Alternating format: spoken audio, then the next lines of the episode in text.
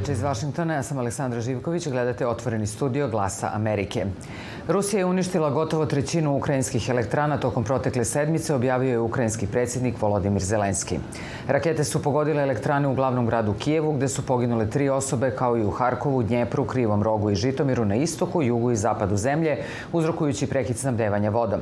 Prijavljeno je da je jedna osoba stradala u svom stanu u gradu Mikolajevu. Rusija je od početka protekle sedmice počela napade na ukrajinsku energetsku infrastrukturu raketama i bespilotnim letelicama, što je prema tvrdnjama predsjednika Putina legitimna odmazda za eksploziju na mostu koju Rusiju, koji Rusiju spaja sa nelegalno anketiranim ukrajinskim poluostrvom Krim. Kijevski zvaničnici i predstavnici zapadnih saveznika ističu da namerni napadi na civilnu infrastrukturu predstavljaju ratni zločin. Njihov cilj je da građanima Ukrajine budu uskraćeni grejanje i struja u oči predstojeće zime. Deo međunarodne javnosti ih vidi kao novu Putinovu taktiku za eskalaciju rata koji njegove snage u Ukrajini gube. Bela kuća je saopštila da Sjedinjene države najoštrije osuđuju ruske raketne udare koji nastavljaju da dokazuju Putinovu brutalnost. Najavljen je i novi paket vojne pomoći Ukrajini u vrednosti od 725 miliona dolara. Nekoliko ministara spoljnih poslova Evropske unije pozvalo je da se Iranu uvedu sankcije zbog isporuke dronova Rusiji.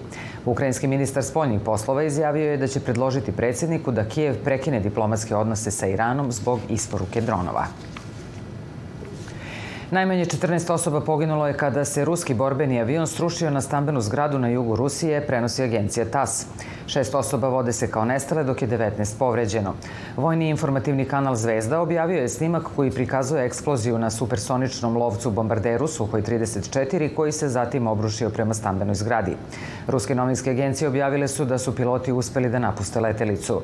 Ruska državna novinska agencija RIA objavila je da su vlasti rezervisale 600 kreveta u hotelima i pansionima kako bi smestile građane koji su morali da napuste zgradu na koju se srušio pomenuti avion. Na snimcima sa lica mesta vide se delovi zgrade u plamenu posle nesreće za koji su lokalne vlasti saopštile da je umeđu vremenu ugašen. Agencija RIA izvestila je da se nesreća dogodila tokom trenažnog leta sa vojnog aerodroma. U izveštaju su prenete informacije Ministarstva odbrane da su piloti prijavili da se motor zapalio pri poletanju, dok se gorevo u letelici zapalilo pošto je udarilo u zgradu. Administracija predsjednika Bajdena saopštila je u ponedeljak da će snažno sprovoditi sankcije uvedene Teheranu nakon što je Rusija upotrebila bespilotne letelice iranske proizvodnje za napade na Ukrajinu. Bela kuća je takođe izrazila sumnju da bi zastoj u pregovorima u, o nuklearnom sporazumu sa Iranom mogao brzo da se reši, a demonstranti unutar Irana i dalje se suprotstavljaju konzervativnoj vladi. Na nebu iznad Kijeva nova pretnja, ovoga puta iz Irana. Ukrajina kaže da su upravo iz te zemlje neki od smrtonosnih dronova koje je Rusija koristila za napad na Kijev. Iran to negira, a Kremlj ne komentariše. U Vašingtonu port parolka Bele kuće Karin Jean-Pierre osvrnula se na pitanje glasa Amerike o dronovima iranske proizvodnje i o tome kako će Sjedinjene države da odgovore. Iran nije bio iskren u vezi sa tim i negirali su da su dali oružje Rusiji za upotrebu u Ukrajini. Umeđu vremenu, prema novim izvještajima, Iran razmatra prodaju još razornijeg oružja kako bi podržao invaziju kojoj se, kako tvrdi, protivi. Ono što mi sada radimo je da ćemo nastaviti da energično sprovodimo američke sankcije na rusku i iransku trgovinu oružjem. To je ono što ćemo uraditi odavde, otežati Iranu da proda oružje Rusiji. Ali analitičari kažu da Zapad ne može mnogo više da uradi da bi izolovao Iran. Ako govorimo o posledicama, otprilike sve što možete da uradite je isto što već radite mesecima, a to je da izaberete pojedince, korporacije i komande koje obezbeđuju i kupuju te sisteme i koriste ih. I možete da izdvojite ljude za sankcije. U ovom trenutku to ima veoma ograničenu efikasnost. Američka vlada takođe prati talas protesta u Iranu nakon smrti mlade žene u septembru u pritvoru iranske policije za javni moral. The eyes of the world are rightly Uh, on the brave protesters in Iran right now who Oči svijeta su s pravom uprte u hrabre demonstrante u Iranu koji trenutno ustaju i zalažu se za svoja prava. Ne samo prava žena, već i njihova ukupna ljudska prava. A Sjedinjene države stoje uz njih dok to čine. Preduzeli smo niz koraka poslednjih dana i nedelja da pozovemo režim na odgovornost za postupke koje smo vidjeli. The actions that we've seen. To uključuje, kako kaže, sankcije Irancima na visokim položajima, kao i američku komunikacionu podršku Irancima kako bi mogli da komuniciraju jedni sa drugima i imaju pristup medijima.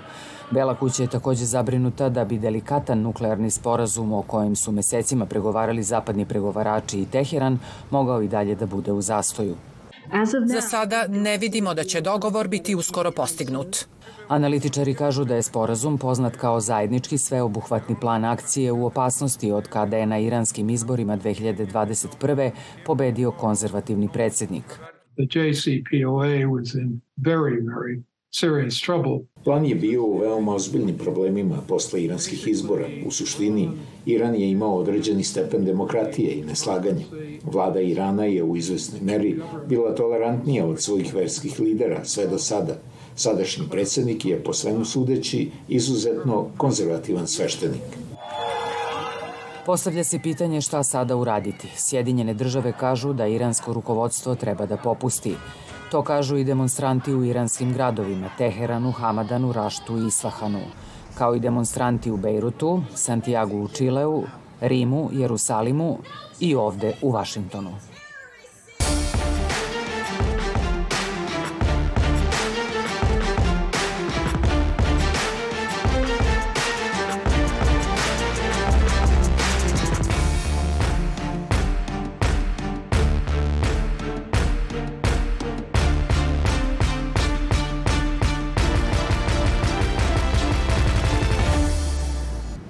U Savetu bezbednosti Ujedinjenih nacija u toku je sednica na kojoj je predstavljen šestomesečni izveštaj generalnog sekretara Antonija Gutereša o misiji UNMIKA na Kosovu.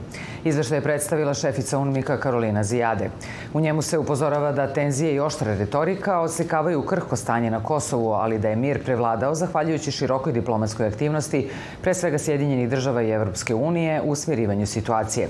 Događaj od 31. jula na severu Kosova, kao reakcija na odluke kosovske vlade u vezi sa slobodom kretanja, bili su ozbiljne, ozbiljna eskalacija koja je dovela situaciju na ivicu konfrontacije sa potencijalno tragičnim posledicama, navodi se u izveštaju Gutereša, u kojem se takođe ističe da se ne može dovoljno naglasiti važnost uzdržavanja i privrženosti dijalogu kako bi se neslaganja rešila. Srbiju na sednici Saveta bezbednosti predstavljaju ministar spoljnih poslova u tehničkoj vladi Nikola Selaković, a Kosovo ministarka spoljnih poslova Donika Gervala Švarc. Kosovski rehabilitacioni centar za žrtve torture registrovao je u poslednje tri godine 900 osoba žrtava seksualnog nasilja tokom rata na Kosovu.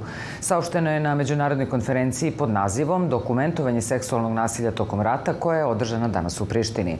Prema podacima Ministarstva pravde, trenutno je pod istragom oko 60 slučajeva seksualnog nasilja tokom rata, a do sada je samo jedan rešen. Izveštava Budimir Ničić.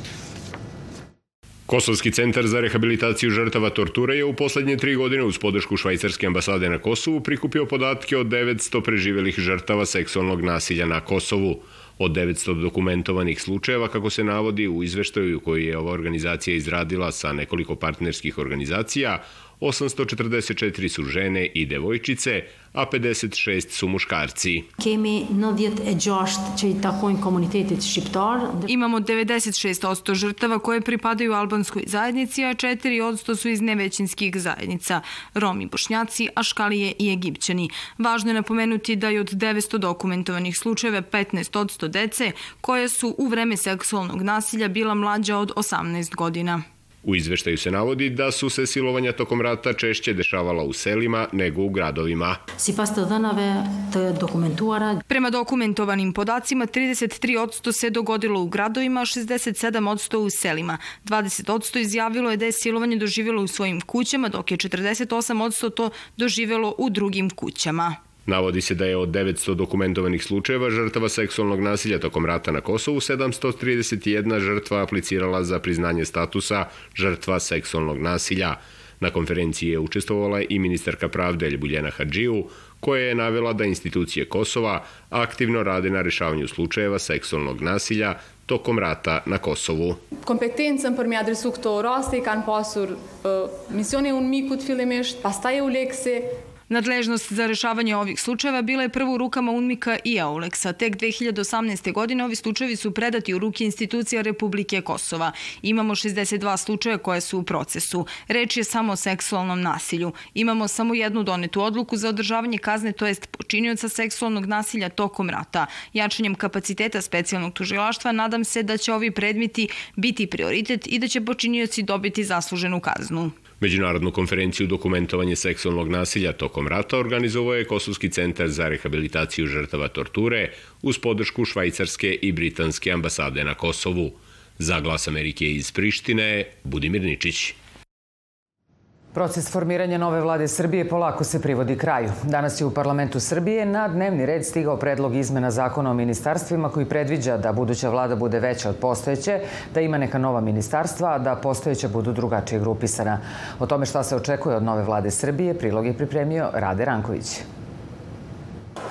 Poslanici Skupštine Srbije započeli su danas raspravu i kako se očekuje najkasnije do kraja nedelje trebalo bi da usvoje izmene zakona o ministarstvima, čime se stvaraju i formalni uslovi da Srbija više od pola godine nakon izbora konačno dobije novu vladu. Dnevni red je danas usvojen tek iz trećeg pokušaja, a na osnovu predloženih rešenja Srbija bi trebalo da dobije vladu sa 25 ministarstava, to jeste dva više od trenutne tehničke vlade. Kako ističe Pavle Dimitrijević, zamenik programskog direktora CRTE, biće to jedna od najvećih vlada od 2000. godine na ovamo možemo da kažemo da je ova e, nastupajuća, da kažem, vlada jedna od tri najbrojnije od 2000. godine, a da je najbrojnija vlada zapravo bila 2008 godine vlada Mirka Cvetkovića koja je formirana sa 27 članova.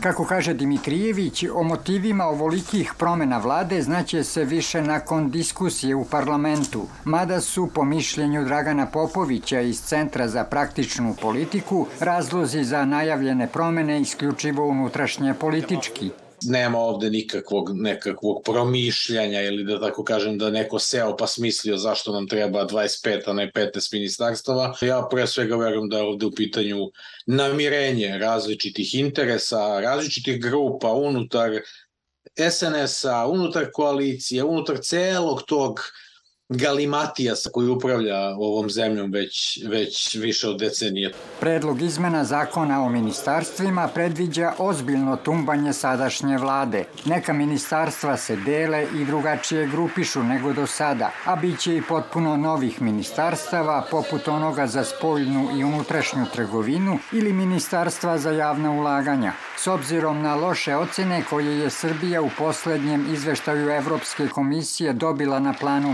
medijske situacije u zemlji, zanimljivo je da resor informisanja, koji je u sadašnjoj raspodeli bio uz Ministarstvo kulture, sada prilazi Ministarstvu telekomunikacija. Kako kaže Popović, i ranije je bilo sličnih predloga. Očigledno je ta ideja sada prošla i kažem opet kad budemo videli ime ministra,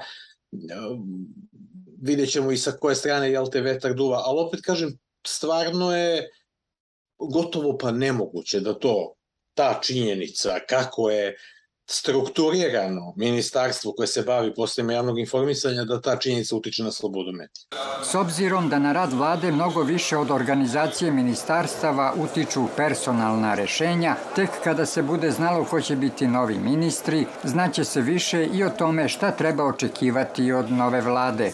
Za glas Amerike iz Beograda Rade Ranković.